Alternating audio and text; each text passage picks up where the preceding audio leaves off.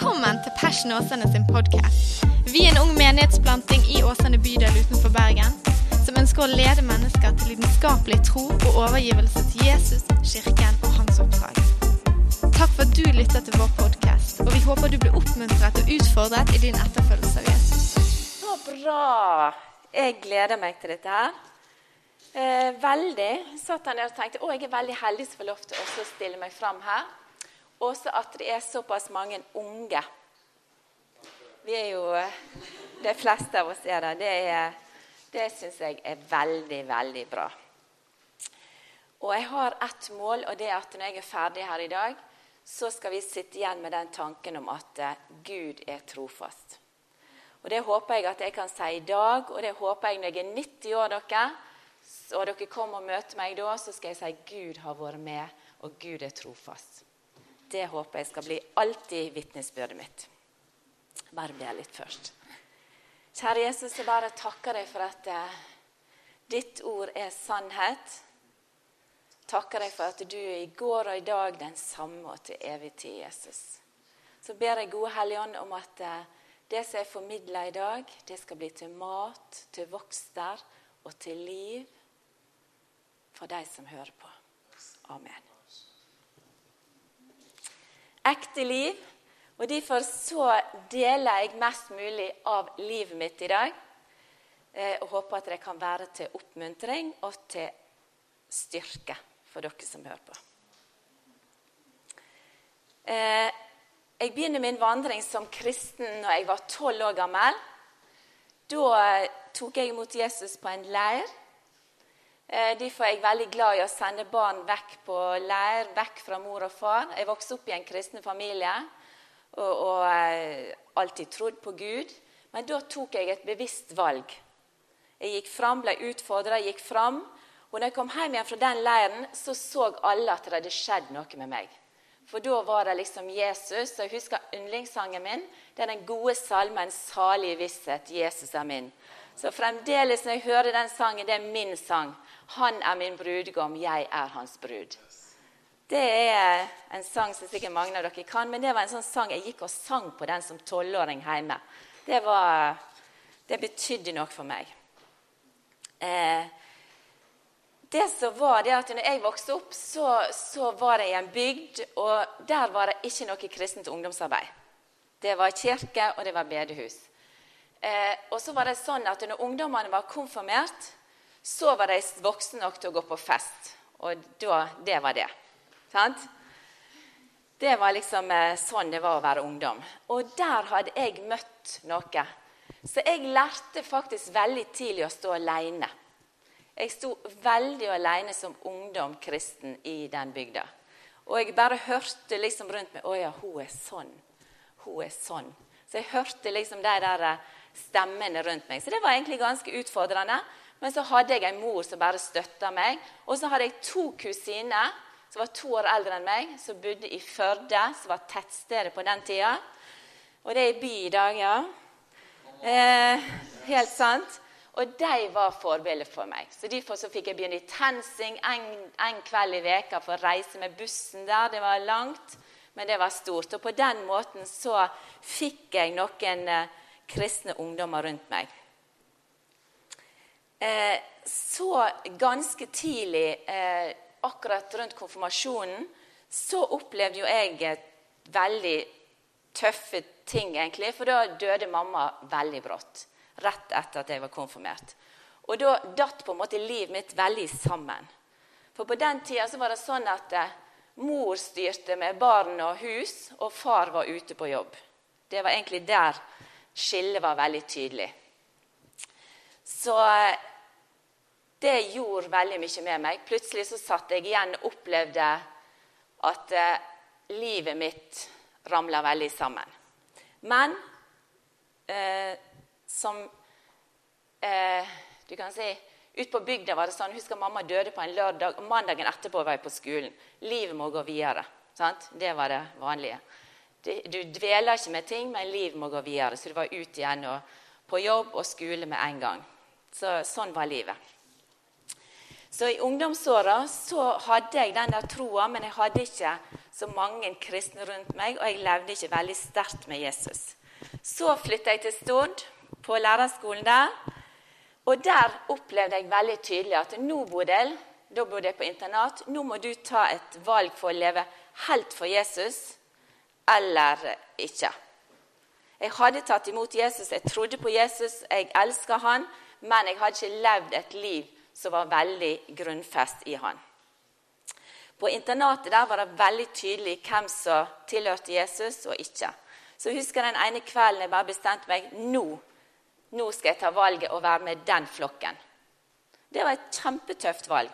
Så hvis noen av dere kjenner dere igjen at du lever liksom med én fot her og én fot der, så var det et helt veldig veldig vanskelig valg.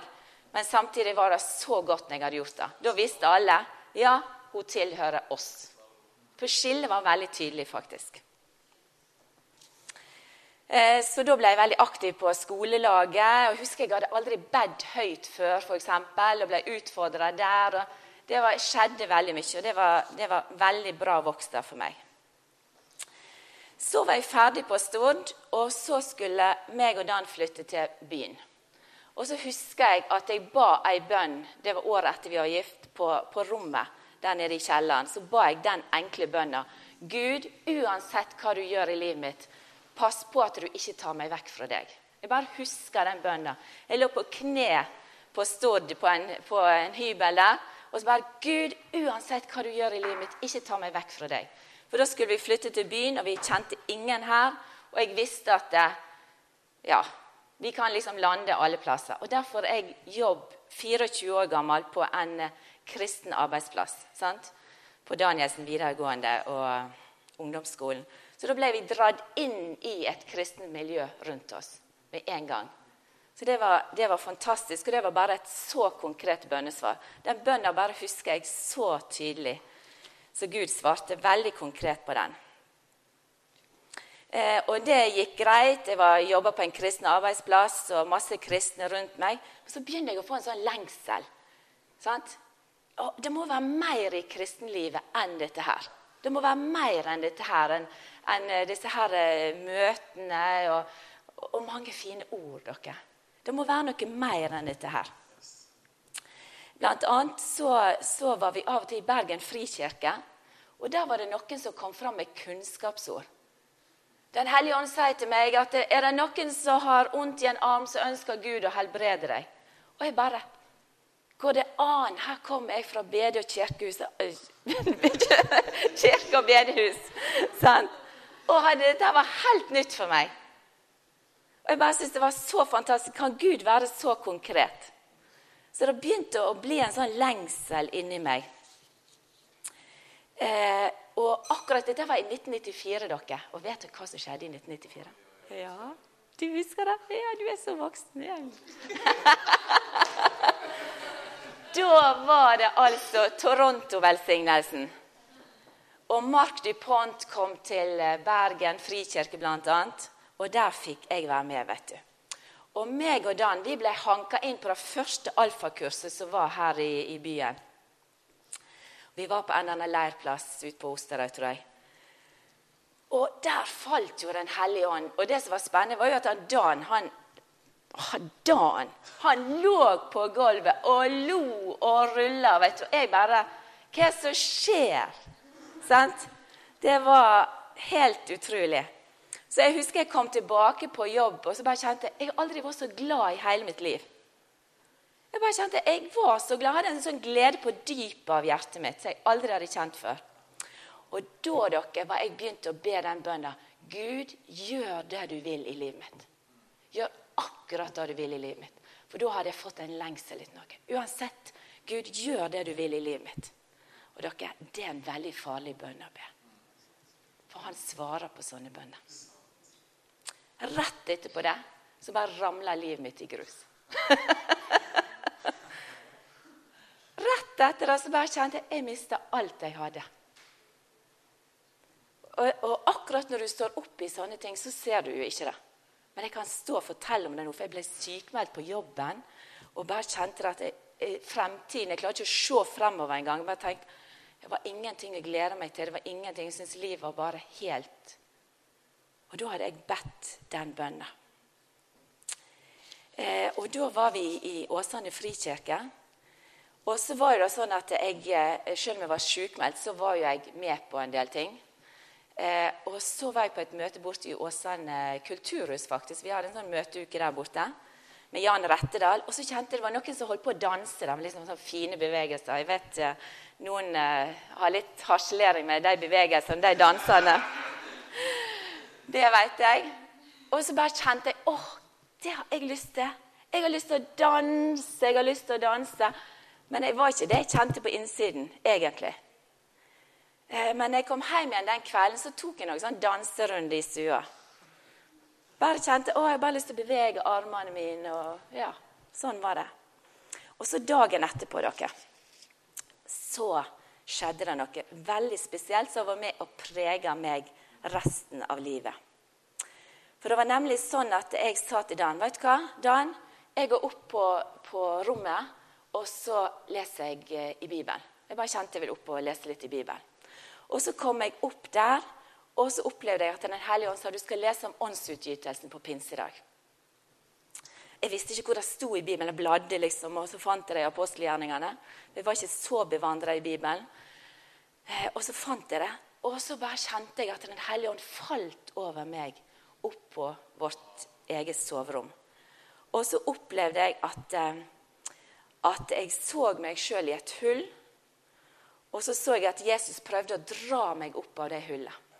Og så begynte jeg å be den bønnen. Jesus, ta kontroll, ta kontroll, ta kontroll i livet mitt.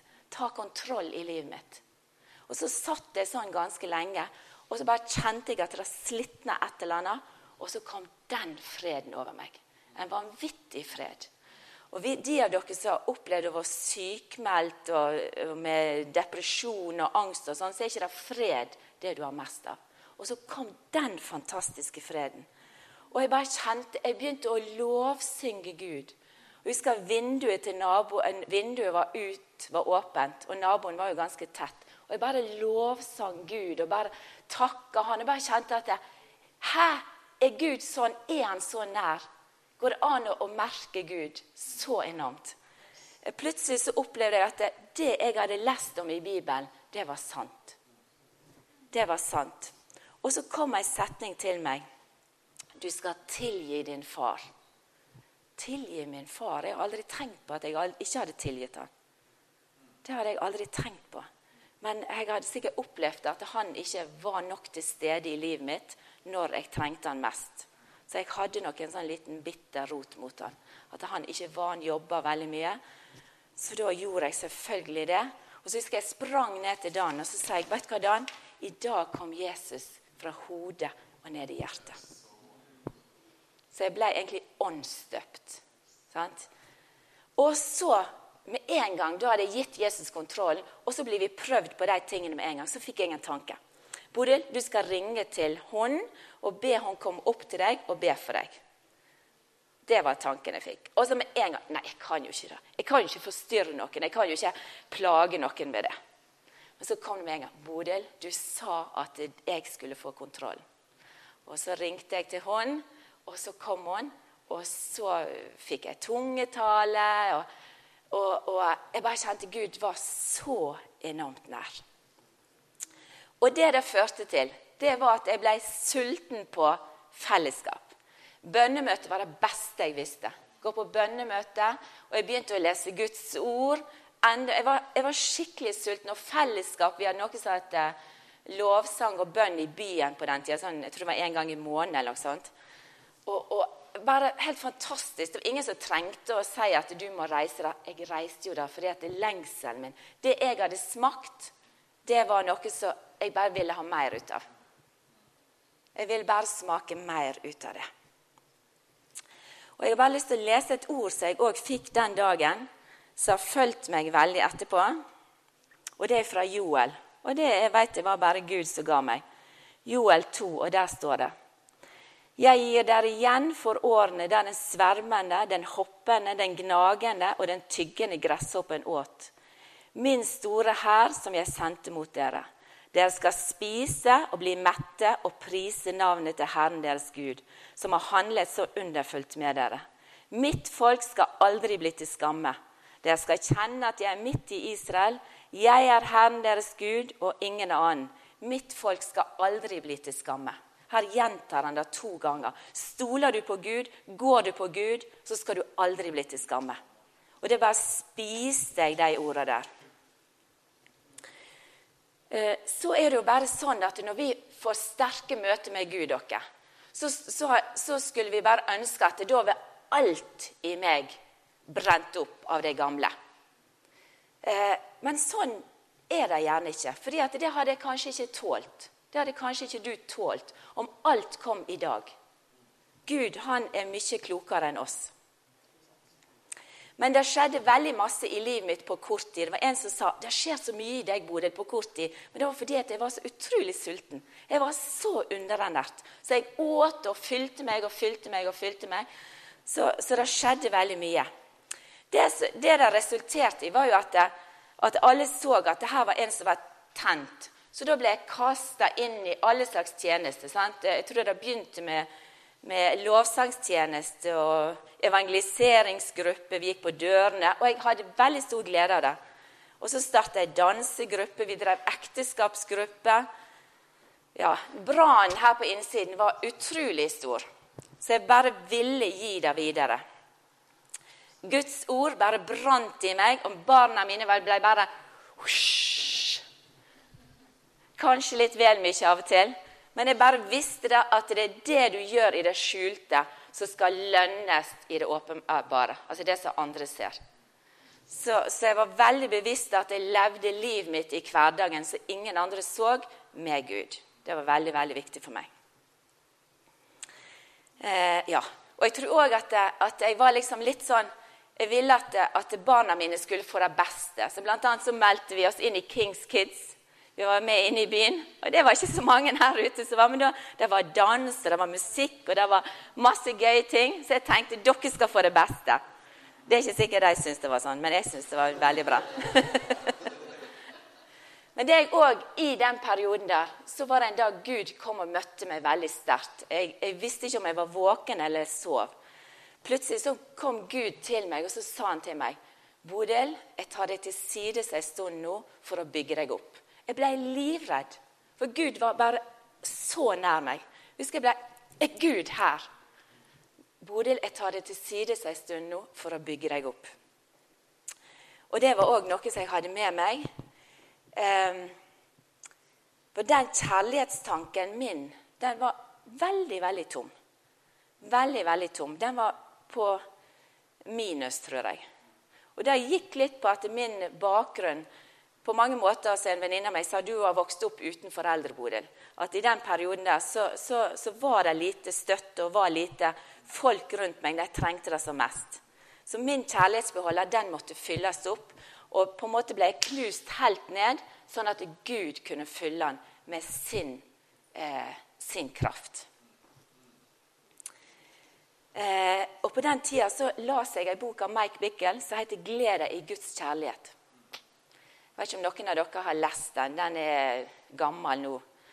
Men den handler om at eh, i, i, um, han hadde hatt en drøm om at han ville tale for tusener, og at mennesker skulle bli frelst under hans uh, forkynnelse. Og så En dag når dette her hadde vært på en stor konferanse, så gikk han hjem på hotellrommet sitt, og så kjente han en tomhet på innsida. Her hadde han opplevd det han hadde drømt om hele livet, men han kjente en veldig tomhet. Og så erfarte han det at egentlig så opplevde ikke han seg elska.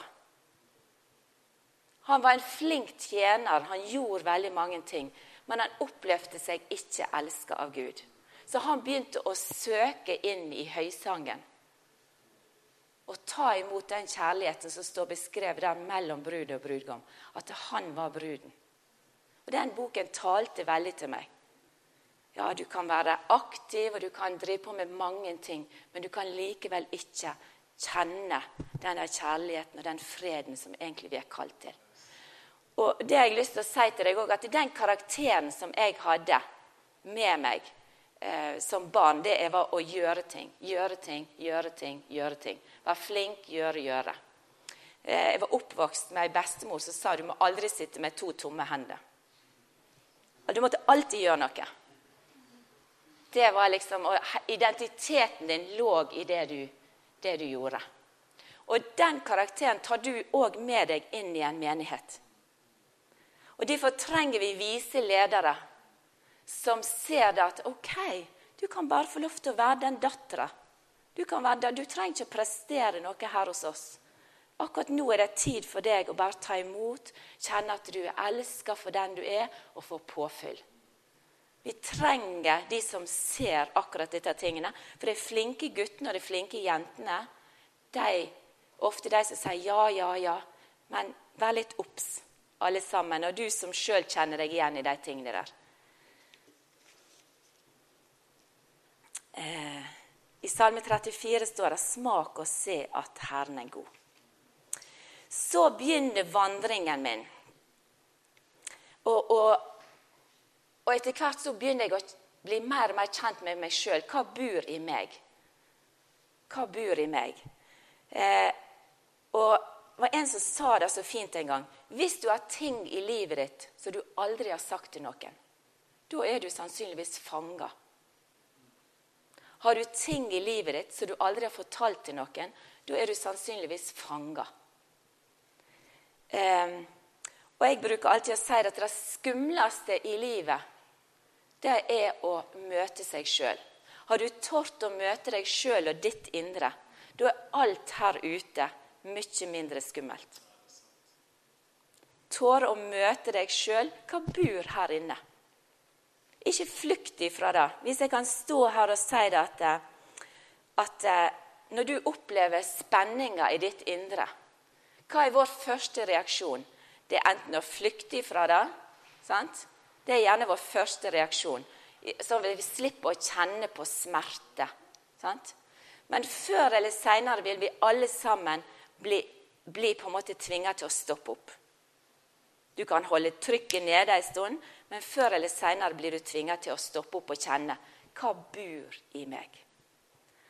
Og For å være helt ærlig dere, så tror jeg masse når det gjelder menigheter og sånne ting, så er det fordi at mange av de som står i kall og salvelse, ikke har tort å ta de indre kampene.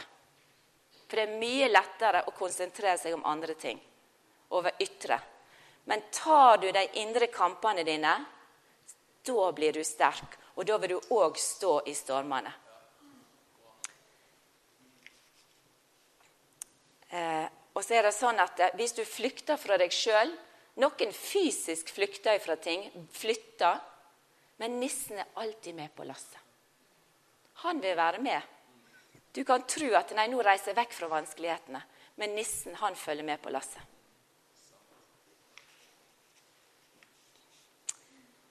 Eh, og jeg prøvde å snakke med, med ledere om mine ting som jeg hadde på innsida. Men det jeg opplevde, var faktisk at veldig mange ikke forsto hva jeg snakket om. Og det er faktisk veldig vondt når du opplever at du deler livet ditt, og så får du til svar sånne ting som på en måte Ja.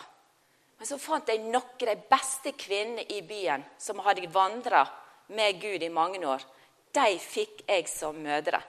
Jeg mista min mor, men jeg tror jeg kan si at jeg fikk de beste åndelige kvinnene her i byen som mine veiledere i, i de åra der. Og det er jeg så takknemlig for. De hadde òg møtt Gud, og de hadde hatt en vandring med Gud. Og de kjente til det der trykket som var på innsida. Det var helt livsnødvendig for meg. Og så er det sånn dere, at vi kan bare gi videre det vi sjøl har fått. Eh, og det jeg kjenner på nå etterpå, det er at gjennom den vandringen at jeg var åpen med mitt liv at jeg torde å ta tak i mine indre spenninger. Det gjør til at Gud har sendt så mange mennesker i min vei. Og det er på en måte sånn som jeg aldri hadde bedt Gud om å få stå i en sånn tjeneste. Eh, men det ble bare sånn. Det du sjøl har fått, kan du gi videre. Eh, så I perioder så var det veldig mange damer, jenter, kvinner hjemme hos meg på kveldstid. I mange år så satt jeg med én og to sånn tjeneste som veldig mange ikke ser. Men det var veldig givende for meg, Og jeg tror det var veldig bra for faktisk mange. Eh, ja. Dersom vi bekjenner våre synder, er Han trofast og tilgir oss syndene. Jeg tenkte faktisk sånn i min ungdom at synder var hor og drikk og mord. Ja, det var det, det var det vi nesten var opplært med. Og det, de tingene der, de holdt jeg meg unna. det, det, var liksom ikke det jeg holdt på med. Men så, når jeg møtte Gud, så begynte jeg å forstå det at, at det synd er mye mer. Det er bitterhet, utilgivelighet, det er frykt, sinne Det er mange sånne ting som er absolutt synd. Så det måtte Den hellige ånd vise meg, at du har synd i livet ditt. For hvis ikke jeg kjenner på at jeg har synd, så trenger jeg heller ikke en frelser. De ydmyke gir Gud nåde, de stolte står han imot. Bekjenne synd, bekjenne hvem du er, det holder deg ydmyk. Og ha gjerne noen i livet ditt. Jeg bare kan ikke si det nok. Finn en eller to i livet ditt så du kan være helt ærlig med. Så du kan dele livet ditt med. Det er livsnødvendig. Og vet du hva? Vi er ikke skapt til å bære slagstoff i oss. Det vil si spenninger. Det gjør oss syke. Vi er ikke skapt til det. Det gjør oss syke. Så finn deg folk som du kan stole på, så du kan ventilere til. Det er kjempeviktig. Eh, ja. I og med at jeg ble så veldig aktiv veldig tidlig i, i, i, den perioden i tjeneste, så var det jo en fiende som var ute etter meg. Veldig. Og det kunne jeg egentlig ikke så mye om. Jeg, altså, jeg, vet ikke, jeg hadde ikke fått med meg så mye om det, at det var en fiende som da ville ta meg. Så her ble jeg kasta hit og dit, og spesielt frykt kjente jeg på veldig mye når jeg ble utfordra og skulle ut i, i, nye ting. Og jeg husker Guds ord ble veldig sentralt for meg, og det er det fremdeles. Jeg gikk rundt, tok Bibelen, jeg gikk rundt på stuegulvet, leste Guds ord høyt til meg sjøl, så jeg hørte det med ørene mine. Trua kom av forkynnelsen. Og når jeg har gått lenge nok rundt og bare sitert, lest Guds ord, til slutt så tikka det inn, og jeg kjente jeg ble sterk på innsida, du. Jeg ble sterk på innsida. Og hvis jeg kan oppfordre dere til noe, så er det å lese i salmene. Det er den beste sjelesorgmedisin som finnes. Der er det en, bl.a. veldig mange Davidssalmer, som er skrevet under ulikt press. Så kjenner du at det er noe i livet ditt som butter på. Begynt i Salme 1. Om du må lese gjennom alle 150 for å bryte igjennom, det gjør ingenting. For ingenting er bedre enn at det bryter igjennom. Så bruk Guds ord. Det er vår beste medisin. Det er ikke bare ei bok som støver ned, men der er vår medisin. Så bruk Guds ord. Og Jeg var veldig bevisst på å fylle meg med Guds ord, for jeg ville erstatte alle løgnene som jeg hadde inni sinnet mitt, med sannhet. Og jeg tenkte bevisst at jeg vil hjernevaske meg sjøl med sannhet. Jeg var veldig bevisst da. Eh, jeg hengte opp bibelvers på kjøkkenet overalt. Det var, jeg var sikkert ekstrem. Men jeg, eh, det var bibelvers, for det står òg at du på dine dørstolper skal du ha Guds ord. Jeg tok det veldig konkret. Ja, jeg skal ha Bibelen, Guds ord, på dørstolpene. Eh, lovsang betydde veldig mye for meg og betyr mye for meg. Eh, dans. Eh, du kan faktisk innta en glede. Når livet var veldig tøft, når jeg kjente at presset var veldig stort, så kunne jeg begynne hjemme, sette på lovsang, og så begynner jeg å danse. Sant? Jeg danser med Jesus av og til. Det er jo mye som ingen andre har sett. Meg og Jesus danser. Fantastisk. Eh, og så kommer den følelsen. Men jeg går inn i det. Jeg venter ikke på at gleden skal være der, men jeg går inn i det bevisst danser, tar til meg eh, ord og toner, og så er jeg inni det. Det er som du går inn i en boble. Eh, så det å bruke lovsang og Guds ord hver eneste dag, det var bare det som styrka meg og bygde meg opp. Eh, den dagen mamma døde og jeg husker pappa kom inn og sa at mamma var død, så husker jeg det kom én tanke i hodet mitt. Da er du sårbar da når du får sånne beskjeder. Og da er det en som er veldig klar til å komme med piler. Husker jeg tenkte én tanke da. Nå er det ingen som er glad i meg mer. Den tanken kom med en gang. Oi, nå er det ingen som er glad i meg mer. Og det er jo en løgntanke. Sant? Den tanken, Har du den tanken her oppe i hodet ditt, så vil ikke du slippe noen inn på deg. Så Den hellige ånd måtte vise meg at der, Bodil, har du en tanke som er helt feil. For jeg har jo elska deg med en evig kjærlighet. Står det i Guds ord. Så måtte jeg be om tilgivelse. Tilgi meg, Gud, for at jeg har trodd på en sånn tanke. For har du sluppet inn den tanken én gang, sant? Så, er, så, så er han der. Vi, vi er skapt veldig finurlig. Fienden prøver seg med sånne piler for å, å binde oss, holde oss fast. Så det var en av de tankene som eh, måtte avsløres. Eh, og så husker jeg en gang vi var med Kings Kids på Flåten senter og dansa.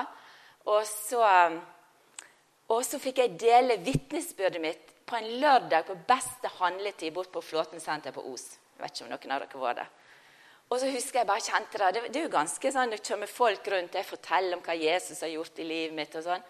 Men husker jeg kom ut til Dan og sa vet du hva Dan, dette her er bare meninga med livet mitt. Den der, den der, litt skummelt, men samtidig så kjenner du at ah, hva betyr det om de syns jeg er en idiot? Det betyr ingenting. For det jeg har fått på innsida, det er viktigere. Så det, det er sånn øyeblikk jeg bare kjente Jeg grudde meg, men så bare helt fantastisk etterpå.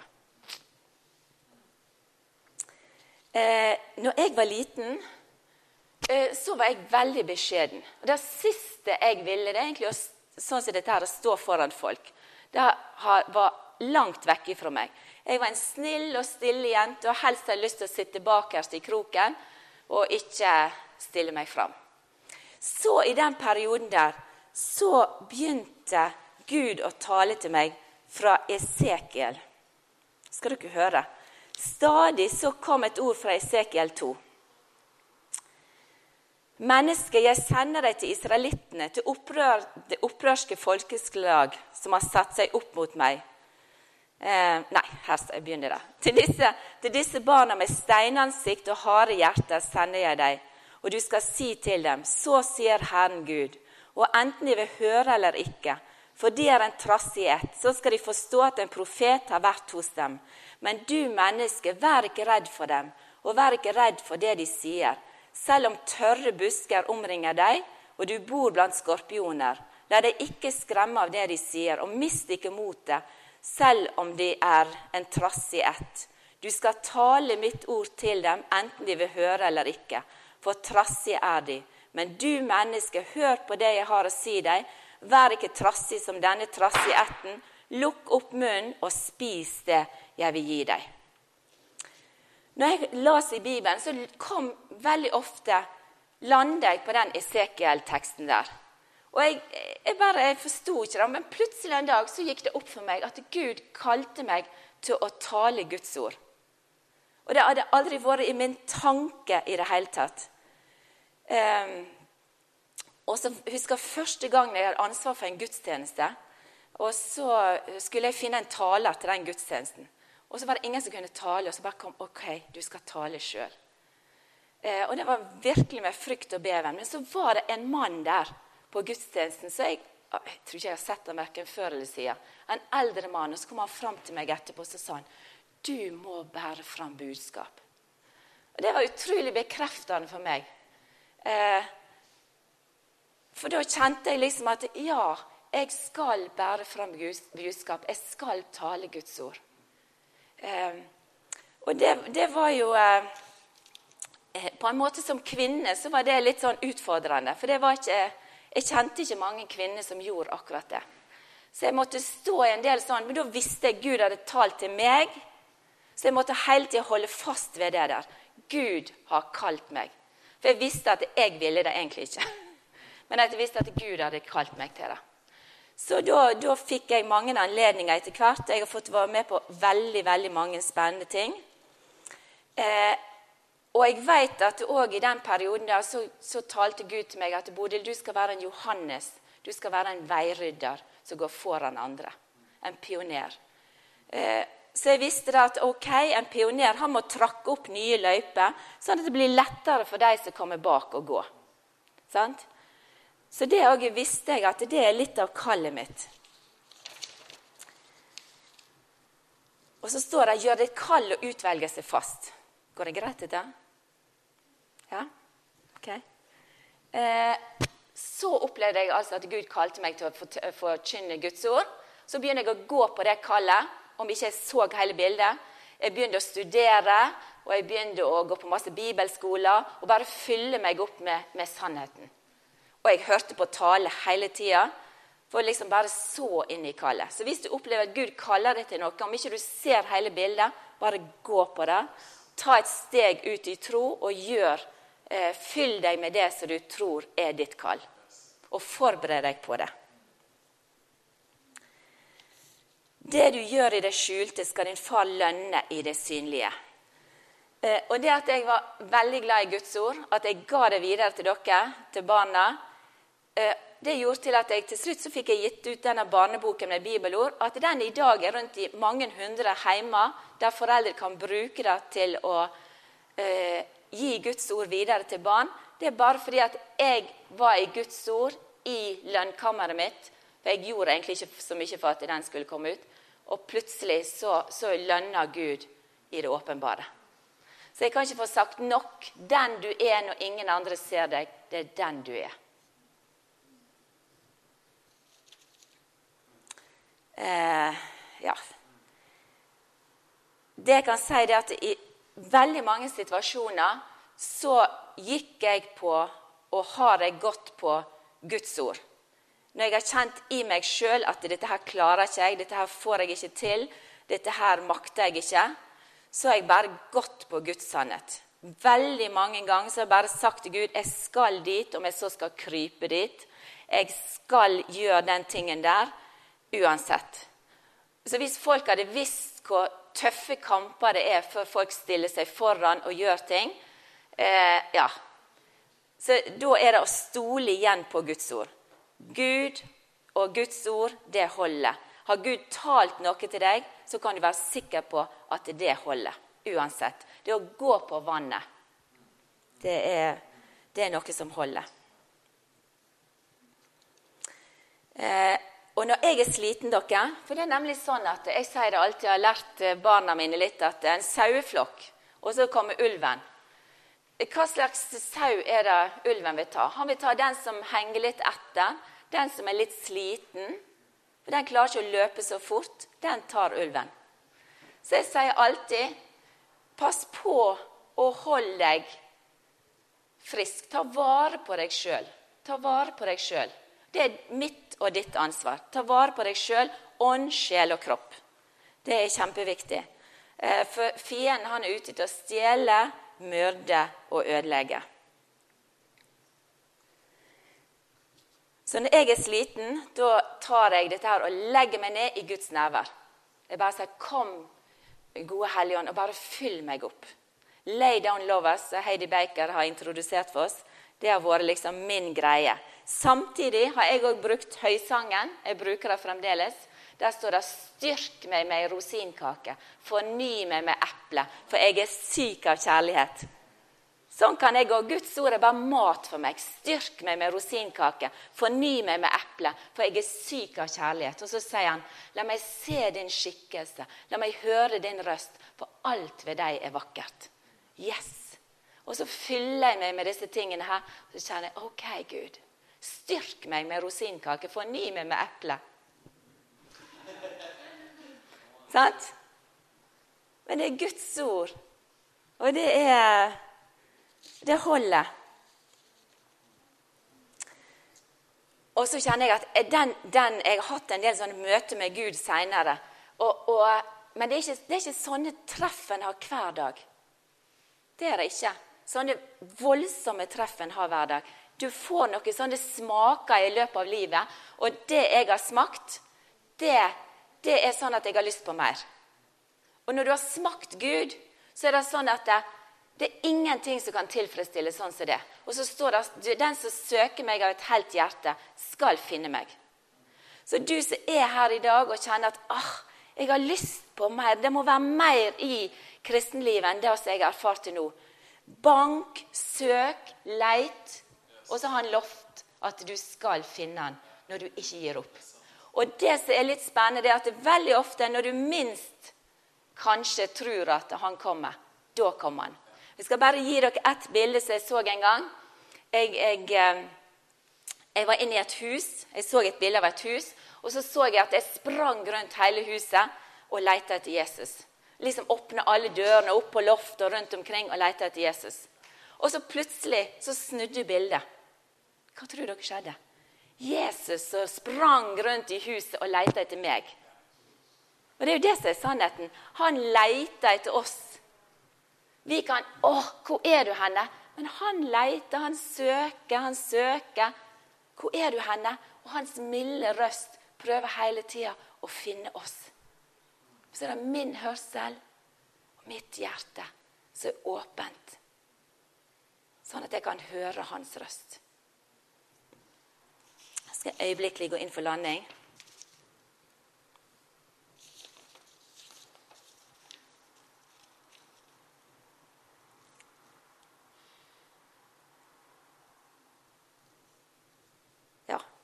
er veldig opptatt av at vi som mennesker vi er ånd, sjel og kropp.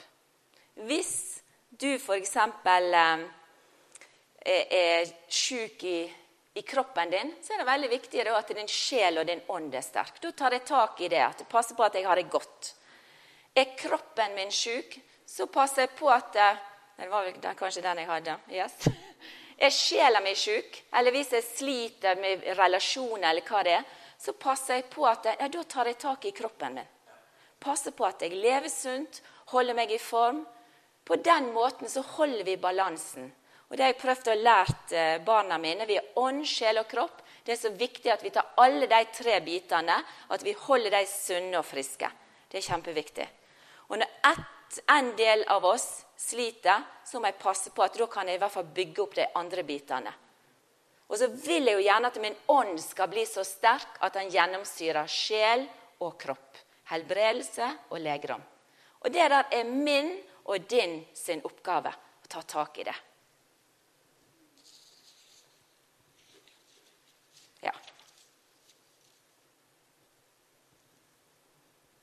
Og Det som er spennende, det er at eh, nå når vi får være en del ut av persen og være med og pionere ut de tingene her, eh, så vet jeg at det òg er et kall.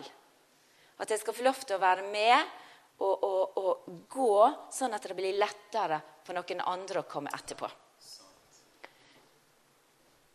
Så det jeg har lyst til å si til deg som er her i dag Legg din vei i Herrens hånd, stol på Han, og òg at Gud er til stede i livet ditt akkurat nå.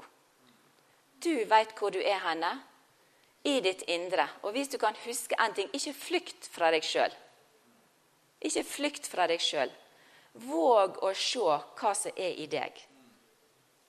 Finn deg noen å ventilere med.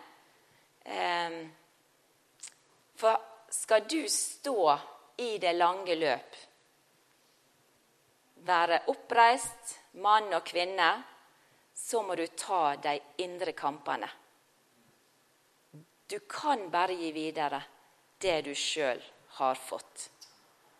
Så hvis det kan være en ting du husker fra den tida, det som jeg har sagt nå Og så en ting til. At det som fienden tenkte til det onde i ditt liv, det kan bli til din største seier. Det fienden tenkte han skulle knuse meg med, det ble til min største velsignelse. Det kan jeg stå vitne om i dag. At Gud bruker, snur omstendigheter, sånn at det som fienden ville knuse og ødelegge, det bruker Gud til å sette andre i frihet. Så se aldri lite på det du har. Se aldri lite på det du har. Men tenk at ok, jeg er skapt av Gud for en hensikt. Og min vandring fra din fødsel og frem til det du er i dag Gud har vært der. Ellers hadde ikke du vært her i dag. Så enkelt er det. Og du har den rette alderen for ditt liv akkurat nå. Sant? Så vi kan vite at ok, vi er her alle sammen i dag med en hensikt. Og vite at det du gjør i livet ditt, det er ikke tilfeldig. De valgene du tar i dag, er med å forme tida som ligger foran for deg. Og kanskje mange andre rundt deg. Så Jesus, jeg bare takker deg for at ditt ord er sannhet. Takker deg for at livet med deg, Jesus, det er en vandring. Og Jesus, du, det siste du sa før du for opp til himmelen, det var 'Jeg er med deg alle dager'. Takk at det er en sannhet for oss alle sammen, far. At vi kan vite du er med oss gjennom alle dager, gjennom alle sesonger. Og så vil du sette oss fri og velsigne oss, sånn at vi kan velsigne andre. Takk at det er en glede å være ditt barn og vite det, Jesus, at du har kalt oss til å være med og sette fanger i frihet og rope ut et nådens år ifra Herren. Amen. Så jeg bare kjenner at hvis du er her i dag nå etterpå, så, så bare, og det er ting du vet at du ikke tar tak i i livet ditt, så, så ikke gå ut herfra i dag før du ydmyker deg. Det kan være tøft. Hvis du kjenner at det er noe du har lyst til å legge fra deg, en byrde, så ikke gå herfra i dag. Jeg kan love deg at eh, når du gir ting til Jesus, så sier han at han, han tilgir synden og renser deg fra all urettferdighet. Det er Guds ord, og det er sannhet. Amen. Takk for at du lyttet til Passion Åsane sin podkast. Hvis budskapet inspirerte deg, del det gjerne videre, slik at enda flere kan bli styrket av Guds ord. Gud har en plan for ditt liv. Følg Jesus lidenskapelig og bety en forskjell for mennesker i din verden.